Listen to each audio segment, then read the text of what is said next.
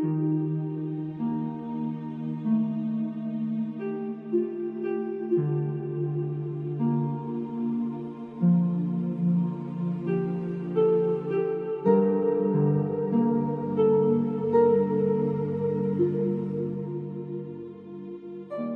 сонсогч таны энэ өдрийн амар амгалан айлтгая.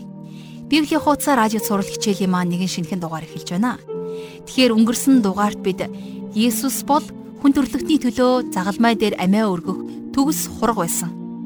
Харин түүнийг дахин ирэх тэр өдрийг хүртэл алгаслын баярын үеэр 12 дагалдагчтайгаа барьсан эсний зоог болох талах дарсан Есүс Христийг үргэлж сануулсаар байдаг тухай гайхалтай дуулуудыг сурсан. Үнэхээр бид Бурхан бол сайн бөгөөд түүний хайр инрэл мөнхий химаа гэж магтан алдаршуулах учиртай. Өмнөх хичээлээс загалмай дээр тарчилж байхдаа эзэн Есүс маань Бурхан минь ээ, Бурхан минь юунд та намайг орхивоо гэж тийхүү хашгирч байхыг бид сонссон. Мэдээж Бурхан түүний талд байсан. Тиймээс Бурхан Христ дотор бүхий л дэлхийг өөртөөгөө эвлэрүүлж гисэн. Энэ бол Бурханы хүн төрлөختөнд бэлгэлсэн гайхамшигтай бэлэг. Гэтэл олон хүн өнөөдөр энэ бэлгийг авахаас татгалзаж, хуурамч шүтэн рүү эргэж буруу замаар будаатeng алхасаар байгаа нь үнэхээр харамсалтай. Тэд бурхан биш харин хин нэгэн хүнд хоосон ямар нэгэн шавар бургатад гарын бүтээлд итгэл найдвараа тавин мөргөж амьдарсаар байна. Эцсийн үр дүн тэдгээр зүйлсийн боолчлолд ямар ч эрх чөлөөгүй амьдралаар амьдрах байна. Бид хүн бол сэтгэлийн амтан гэж ярьдаг. Үнэн дээр хүн бол Бурхны дүр төрхөөр бүтээгдсэн түүний гайхамшигтай хагаад аимшигтай бүтээл гэдгийг ойлгож ухаарах хэрэгтэй. Яагад гэвэл Библи биднийг хүн биш харин Бурханд итгэж хүний дотор биш харин Бурхны дотор хорогдох учиртайг сануулдаг. Тиймээс та хэрвээ тэдний нэг бол хүн биш харин Бурханд итгэж найдаарай. Хүн таны итгэлийг хүсэрдүүлэх нь гарцаагүй. Харин Бурхан хизээж таны итгэлийг хүсэрдүүлж таны итгэлийг алдахгүй. Эзний нэгэн гайхамшигтай үг байдаг Эзэн хайрладаг хүнээс сахилгажуулдаг. Эзэн хайртай хүнээ ичхүрт оруулдаггүй гэж. Тэгэхээр нэгэн гайхамшигтай дуулалаар бид өнөөдөр хамтдаа аялах гэж байна. Өнөөдрийн хичээлээр бид дуулал номын тэрвэтгийн хэл библийн хамгийн урт бүлэг болох дуулал номынхон 119 дугаар бүлгийг хамтдаа уншиж судлах болно. Ингээд хичээлийн эхэнд энэ цагийг бурхандаа өргөж хамтдаа залбирanгуйцгаая. Эзэн бурхан минь таньдаа талархал магтаалыг өргөж байна. Таны үг бол хамгийн эрхэм дээд нь билээ. Та энэ цагт бидэнд өөрийнхөө үгийг ямар агуу болохыг, ямар гайхамшигтай болохыг, ямар үнэн бөгөөд ямар төгс болохыг ухаан ойлгуулж өгөөч эзэн минь ээ. Таны үгийн дагуу амьдрахын тулд таны үгийг хайрлах зүрх сэтгэлийг энэ цагаар дамжуулан та бидний зүрх сэтгэлээр дүүргэж өгөөж аваа. Бид өдөр тутмынхаа ам амьдралд таны үгээр илүү их сангаж, таны үгэнд илүү их анхаарлаа хандуулан амьдрахын тулд та энэ цагт бидэнд өөрийнхөө үгийг тайлбарлан, та илчлэн харуулаач. Эзэн би таныг магтан алдаршуулж байна бидний амь амьдралаар дамжуулан эзэн Есүс Христа алдарш болтугай. Хичээлийн цагийг эхнээс нь дуустал би таны мотор төргөж эзэн Есүсийн нэрээр залбирanгуйлаа. Амен. Ингээд хамтдаа жаргал агшиг хичээлд анхаарлаа хандуулцгаая.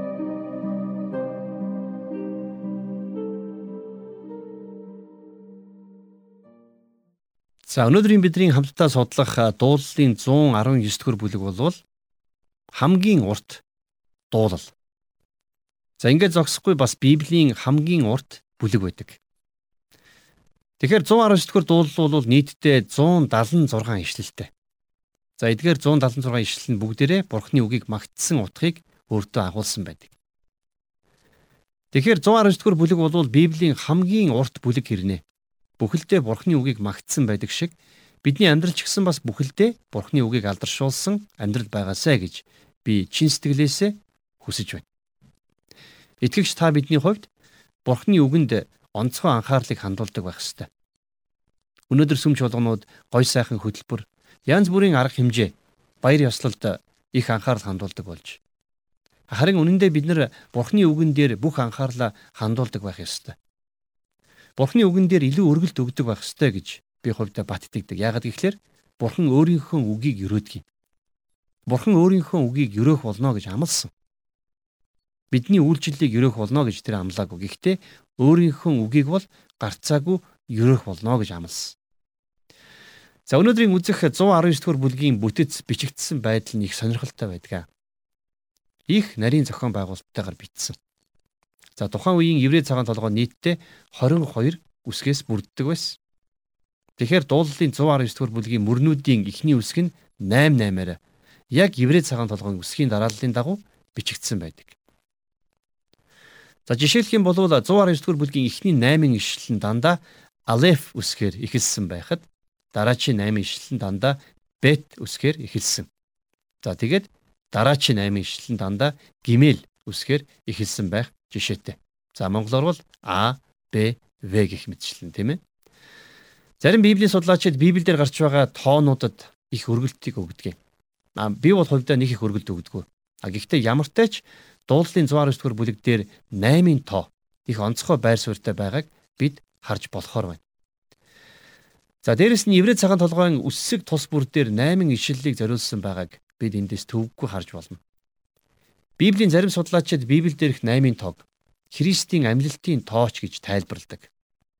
За юу вэ гэхлээр бидний эзэн Есүс 8 дахь өдөр буюу 7 хоногийн эхний өдөр үхлээс амилсан байдаг. За үхлээс амилах гэсэн үгтэй холбоод нэг зүйлийг нэмээд хэлэх юм бол Илч Паул Ром хотынд бичсэн загтал дээр Израильчуудын бурхантай эвлэрэх тэр үйл явдлыг үхлээс амилахтай зүйрлсэн байдаг тийм ээ.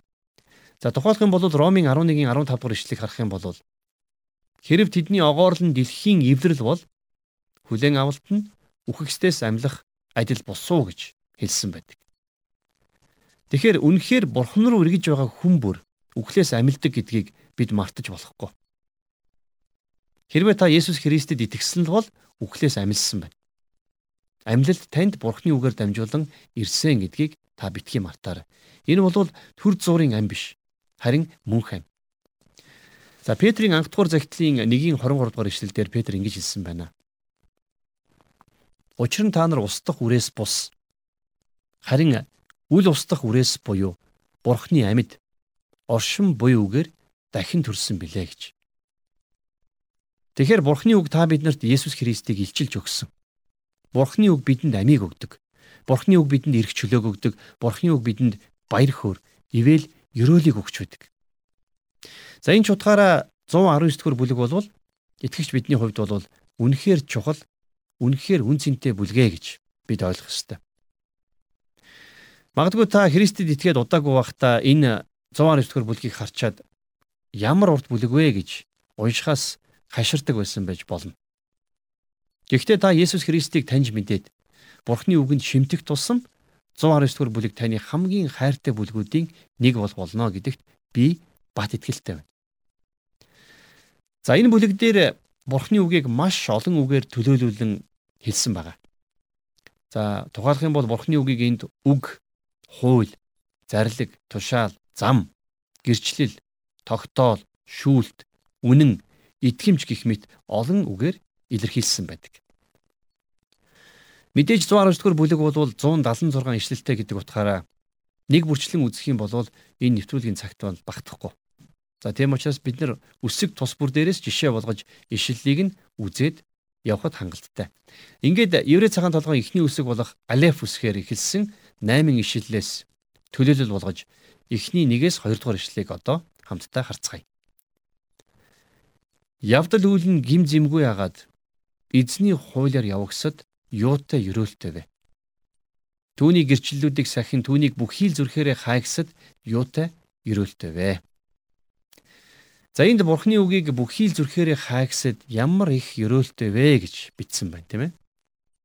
Та бид нар бурхны үгийг бүх зүрх сэтгэлээрээ хайж бүх зүрх сэтгэлээрээ бурхны үг рүү хүссэн тэмүүлдэг байх ёстой. Олон олон итгэгчид эхэндээ бурхны үгийг шамдан сурч байснаа.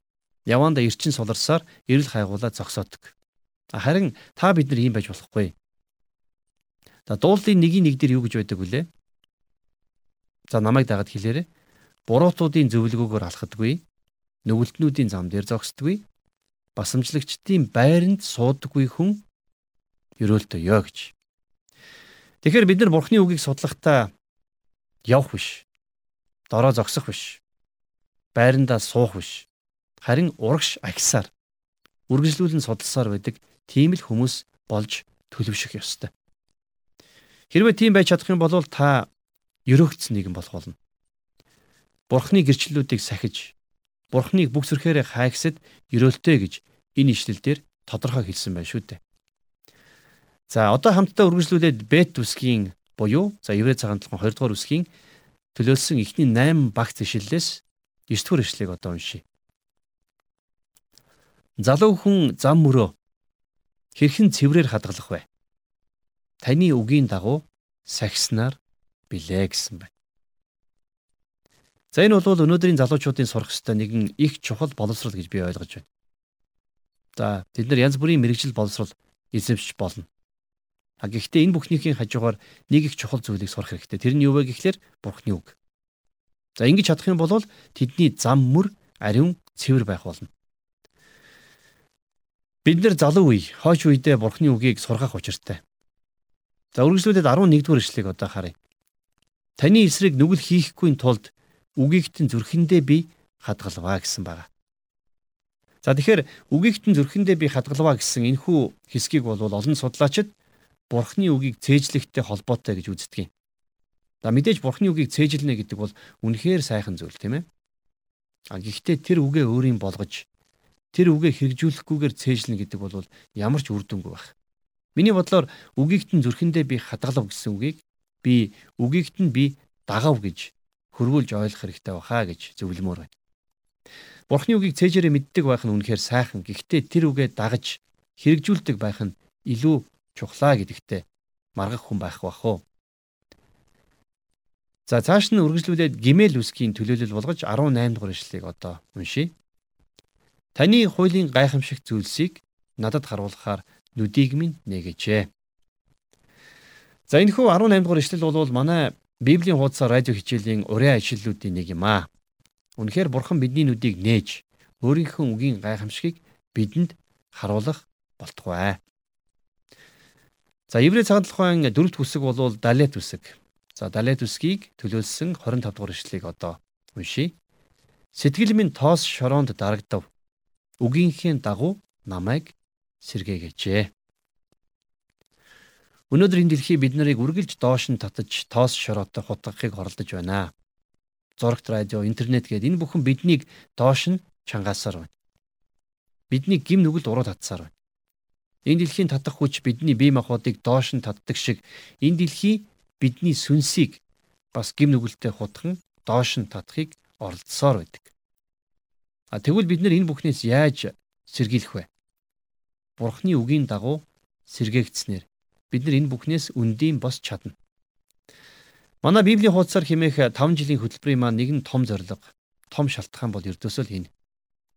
Хэрвээ хэн нэгэн итгэгч 5 жилийн туршид манай хөтөлбөртөө Бурхны үгтэй хамт байх юм бол энэ үг түүний амьдралыг тоо томшгүй олон гим нүглээс хамгаалах болно гэдэгт бид итгэдэг. Бурхны үг та биднийг босгож, Бурхны үг үнэхээр биднийг сэргээдэг юм шүү гэдгийг би хэлмээр байна. За дараагийн үсэг бол хэ үсэг. За хамтдаа 33 дугаар ишлэлийг одоо уншийе. Аяа эзэн зарилгуудынхаа ёс журмыг надад заагаач. Эцэс хүртэл түүнийг би мөрдөө. За бид нар ч гэсэн бас энд бичигдсэн ёсоор замынхан, за амьдралынхаа аяллалын төгсгөл хүртэл Бурхны үгийг дагаж мөрдөж амьдрах учиртай. А тэгээд эцэст нь бид нар Паул шиг замаа дуустал Бурхны үгийг дагсан гэж хэлбэл бидний амьдрал үнэхээр гайхамшигтай дуртгалыг үлдээх болно. За дараагийн үсэг бол вау үсэг. За 41 дугаар эшлэлдэр вау үсгийг төлөөлсөн ийм хэсэг байна. Аяа эзэн хайр инрэл тань таны үгийн дагуу авралт нь надад ирэх болтугай. Бурхны хайр инрэл биднэрт Бурхны үгээр дамжуулан л өгөгддөг. Өөрөөр хэлэх юм бол Бурхны үг бол Бурхны хайр инрэлийг дамжуулагч хоолой гэж бид ойлгож болно. За тийм ч учраас 47 дугаар эшлэлдэр үргэлжлүүлэн ингэж бичсэн байна. Тушаалуудад тань хайртай тул тушаалуудад тань бие баясах болно гэж. Асуулт. Та Бурхны үгийг хайрладаг уу? Та Бурхны үгэнд баярладаг уу? Та Библийг уншихдаа сэтгэл өндөр байдаг уу? Хэрвээ танд Бурхны үгийг хайрлах хайр байхгүй бол Бурханаас энэ хайрыг хүсэж залбираарай.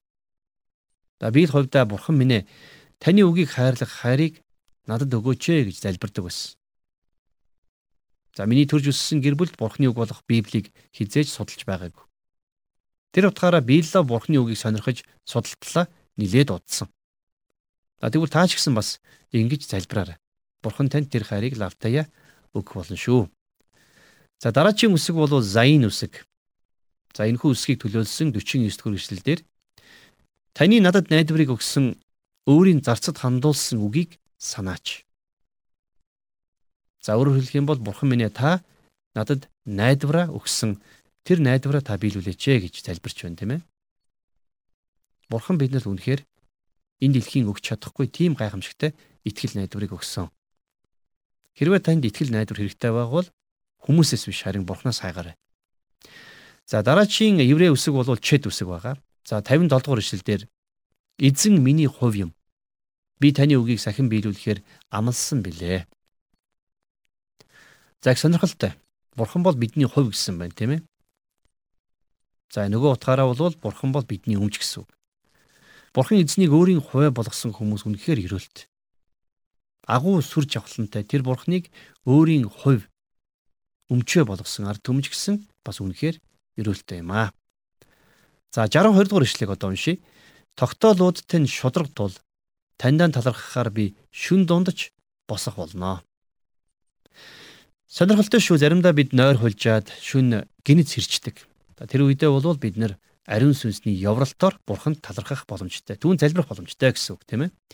За 69-оос 70 дугаар ишлэлээр Тэд үсгийг төлөөлж ингэж бичсэн байна. Бардам хүн миний эсрэг гүтгэлэг зохиодог. Би бүхий л зүрхээр тушаалуудыг тэн биелүүлнэ. Тэдний зүрх сэтгэл хатуурсан харин би таны хуйлд баясдгаа гэж. Тэгэхээр бурхны үгийг шүүж шүүмжилдэг хүмүүсийн хувьд гэх юм бол тэдний зүрх сэтгэл хатуурсан байдгийг. Харин та бидний хувьд Бурхны үгтэй ойр байх нэг чухал. Бурхны үг бол зүрхний хамгийн сайн юм гэж би хувьдаа боддог. За Еврей цагаан толгойн дараагийн үсэг бол йод үсэг байна.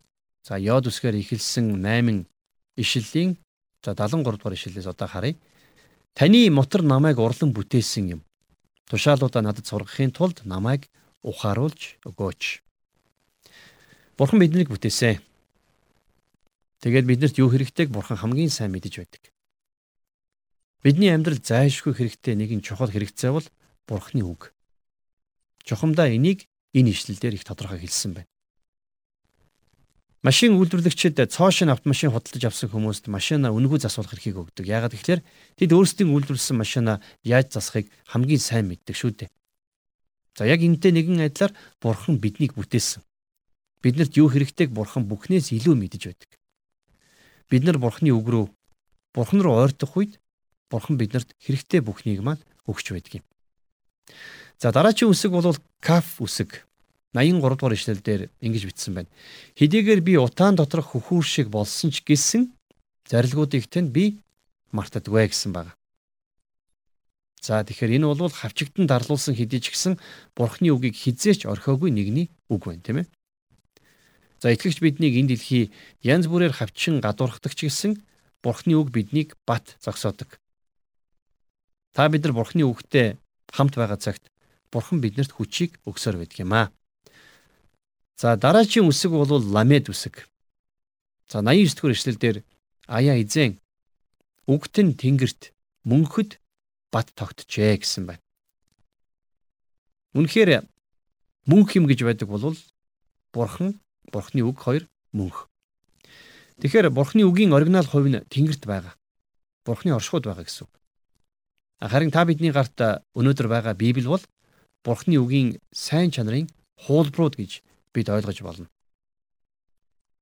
Тийм ч учраас Тэнгэр газар устж үгүй болсон ч гэсэн Бурхны үг хിവэрэ байсаар байх болно. За еврейн цагаан толгойн дараачийн үсэг бол мем үсэг байна. За 97 дугаар ишлэл дээр энэхүү үсгээр ихэлсэн ишлэлүүдийн багц байгаа. За хуулигт нь би юутай их хайрладаг вүлээ. Тэр нь бүхий л өдөржингөө миний бясалгал байдаг аа. Бурхны үгийг хайрладаг нэгэн Бурхны үгийг тунгаан бодож бясалгадаг. За нөгөө талаасаа Бурхны үгийг тунгаан бодож бясалгах тусам бид нар Бурхны үгэнд улам илүү хайртай дуртай болсоор байдаг. Та Бурхны үгийг тунгаан бодоорой. Тэгж бодох тусам та Бурхны үгийг илүү их хайрлах болно. За 99 дугаар ишлэлээс одоо хамтдаа харъя. Гэрчлэлүүд тань миний бясалгал учраа багш нараасаа илүү ухаалаг болов бий гэсэн байна. За энэ бол үнэхээр гайхамшигтай. Христийн хөлд сууж даруухнаар Бурхны үгийг судалдаг итгэгч хүмүүс зарим нэгэн Библийн доктор профессорудаас ч илүү Бурхны үгэнд мэрэгэн болсон байдгийг. Бурхны үг бол өөрөө хамгийн агуу багш шүү дээ. За дараагийн үсэг бол нуун үсэг. За 105 дугаар ишлэлдэр таны үг миний хөлдөх дэнлүү. Миний замдах гэрэл. За энэ бол их алдартай ишлэл. Магадгүй таныг их олон удаа сонсч байсан баха. Бидний хүн нэг болгон Бурхны үгийг өөр юмсүүлж Бурхны үгээр гэрэл хийж энэ харанхуй ертөнцид амьдрах амьдралынхаа туршид өөрсдийнхөө замыг гэрэлтүүлэн амьдарч байх учиртайг дээрх ишлэл биднэрт хэлж байгаа юм. За дараагийн еврей цагаан толгойн дарааллын дагуу хүсэг бол самех хүсэг байгаа. За 113 дугаар ишлэл дээр хоёр санаатай хүмүүсийг би үдсэн яддаг. Хуйлдтай нь харин би хайртай. Тэгэхээр нэг ийм асуулт байна. Та хамгийн их цагаа юунд зарцуулж байна вэ? Зурагт үзэх, сонирсдгол уншихад их цаг гаргадаггүй эсвэл Библи уншихад цаг гаргадаг. Тэгвэл энэ дуулал номыг зохиогч маань хоёр санаатай бузар муу бодол санааг үзэн яддгаа гэж хэлсэн байна тийм ээ. Харин Бурхны үгийг хайрладаг гэж хэлсэн байна. Тэгэхээр та Бурхны үгэнд анхаарлаа хэдий ч нэ их хандуулна. Энэ дэлхийн ёс бус мэдээ мэдээлэлд анхаарлаа төдий ч нэ баг хандуулна гэсэн. Тэр бүхэн таны анхаарлыг татхаа төдий ч нэ болж та төдий ч нэ Бурхны үгийг хайрладаг болно гэсэн. За дараагийн үсэг бол айн үсэг. За 126 дугаар ишлэл бол айн үсгээр эхэлсэн ишлүүдийн бүлэг байгаа. Тэд хуулигтэн зөрчсөн тул эзэн таны ажиллах цаг ирчгээд байна. За магадгүй өнөөдөр ч гэсэн бид нар яг ингэж залбирах хэрэгтэй болцоход байна. Үг гэхээр энэ дэлхий бурхны үгнээс холдож энэ дэлхий бурхнаас холдсоор байгаа учраас бурхны үгийг ярьж тунхаглах тэр ажлыг бид нар улам илүүгээр хийх хэрэгтэй байна. А би ч бас бурхны өмнө инхүү залбирдаг. Бурхан минь энэ дэлхий таны үгнээс танаас холдсоор байгаа учраас Таны үгийг дамжуулахад биднэрт туслаач. Та өөрөө ажиллаа хийж өгөөч гэж би залбирдаг. Дараагийн үсэг бол П үсэг. За 129 дугаар ишлэлээс одоо хамтдаа уншийе. Таны гэрчлэлүүд гайхамшигтай учраас сэтгэл минь тэдгэрийг сахидаг. Тийм ээ. Бурхны үг бол үнэхээр гайхамшгуудаар дүүрнэ. Та зүгээр л уншаад үзээрэй. Бурхны гайхамшигтай илчлэлтүүд, гайхамшигтай үг тушаалууд, гайхамшигтай амлалтуудаар Библиэд дүүрэн байдаг. Библийг бид шимтэн судлах тусам Бурхны гайхамшгуудыг улам бүр хайхан биширдэг. За тийм ч учраас 130 дугаар ишлэлдэр таны үгсийн тунхаглал гэгэрүүлж гинэн хүмүүст ухаарлыг хайрладаг гэсэн байгаа. За энэ гинэн хүмүүс гэдэг нэг нь бол би гэж би өөрөө боддог.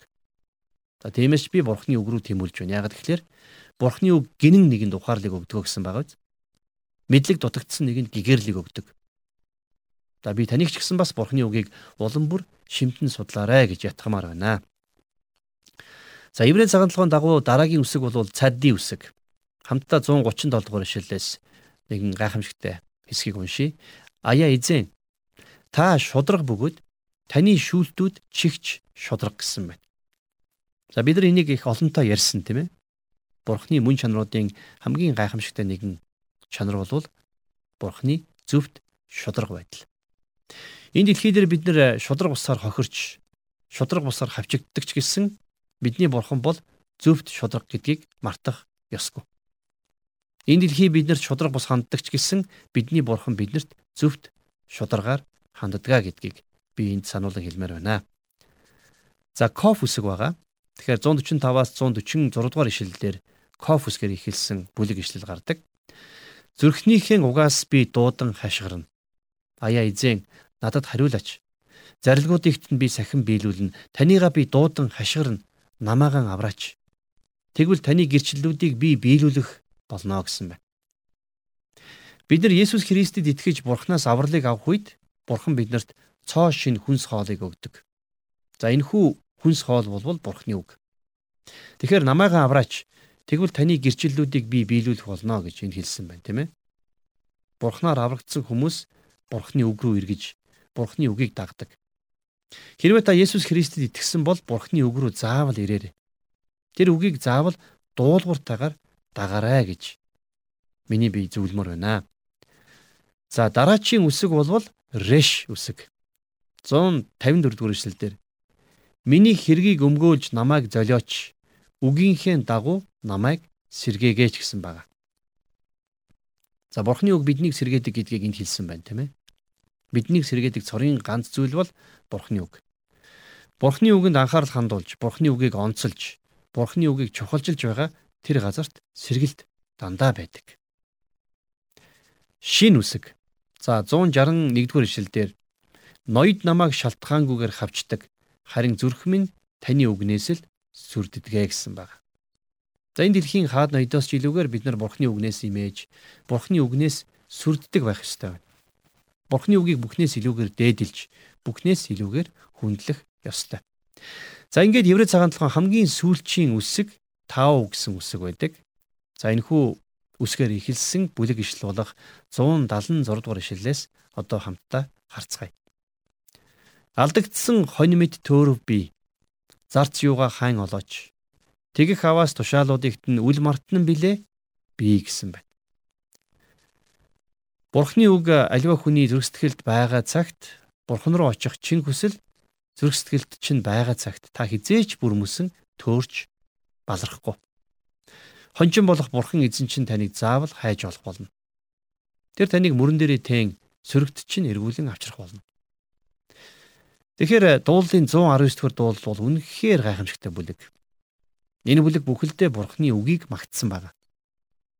За та бид нар хамтдаа сая суралцлаа. Бурхны үг бол бүх ивэл өрөөл, бүх чөлөөлөлт, бүх сэргэлтийн үндэс. За тийм учраас Есүс Иохны 8:36 дээр хэлэхдээ Иймээс хүү та нарыг чөлөөлвөл та нар үнэхээр эрх чөлөөтэй болно гэж хэлсэн юм.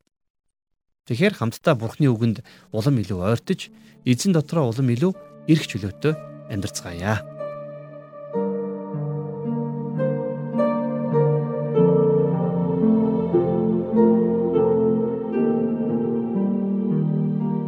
Тэгэхээр өнөөдрийн хичээлээр бид Бурхны үг бол итгэгч хүний амьдралын хамгийн чухал зүйл. Бид Бурхны үгийг хайрлаж түүний үгийг дээдэлж, Бурхныхаа үгийг дуулууртай дагаж амьдрах ёстой. Бурхны үгийг бид бүх зүрхээрээ эрен хайж түүний үгийг зүрхэндээ хадгалж түүний үгэнд цаг гаргаж Бурхныхаа үгэнд илүү их ойрхон амьдрах хэрэгтэй гэдэг талаар өгүүлсэн гайхамшигтай дуулалыг сурлаа. Библиэд Бурхныг олон утга санааг илэрхийлсэн магтаал талархал ишлэлүүдээр дүүргсэн байдгийг та мэднэ. Тэгвэл бидний амьдралд ч гэсэн бүхэлдээ Бурхны үгийг алдаршуулсан амьдрал байгаасаа гэж хэлсэн жаргал агшийн маань үг надад үнэхээр чухал санагдлаа. Үнэхээр итгэгч бидний энэ дэлхий дээрх амьдрал Бурхны үгийн дагуу онцгой байх ёстой. Энэ дэлхийн алхаагаар алхаж хэрхэвч болохгүй. Яагаад гэвэл итгэгч хүн бусдыг дагуулах, тэдэнд үлгэр дуурайл болж амьдрснараа үргэлж Бурхны үгийг тунхаглаж байдаа гэж би хувьдаа боддог. Тиймээс Бурхны үгэнд анхаарлаа төвлөрүүлэх тухай бид өдөр бүр суралцж байна. Яагаад гэвэл Бурхны хайр инрэл бидэнд түүний үгээр дамжин өгөгдөж байдаа гэдэгт би итгэдэг. Тиймээс бид Библийн бичээсүүдээр дамжуулан Бурхны дуу хоолойг сонсож байдаг юм. Тэрээр хүн төрлөختөнд ийм л гайхамшигтай амьд ариун судрыг үлдээсэн нэг. Тиймээс яг одоо би таныг зүрхээ шалгаад үзээсэй гэж хүсэж байна. Зүрхээ шалгах эдгээр асуултуудын хариултыг зөвхөн та бас Бурхан л мэдэх байгаа. Итгэгч та Бурханы үгийг хайрладаг. Та Бурханы үгэнд баярлдаг. Та Библиэд хайртай юу?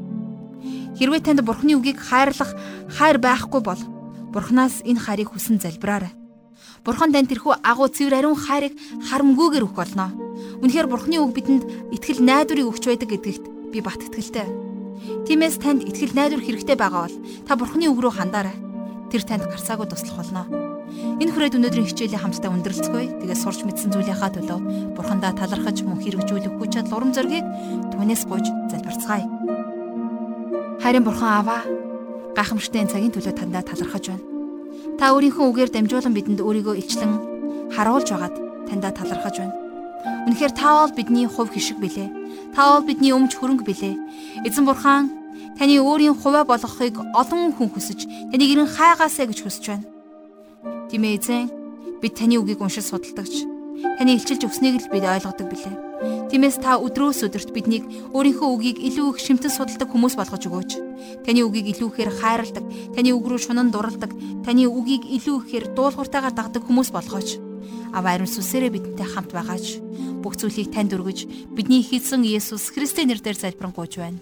Амен.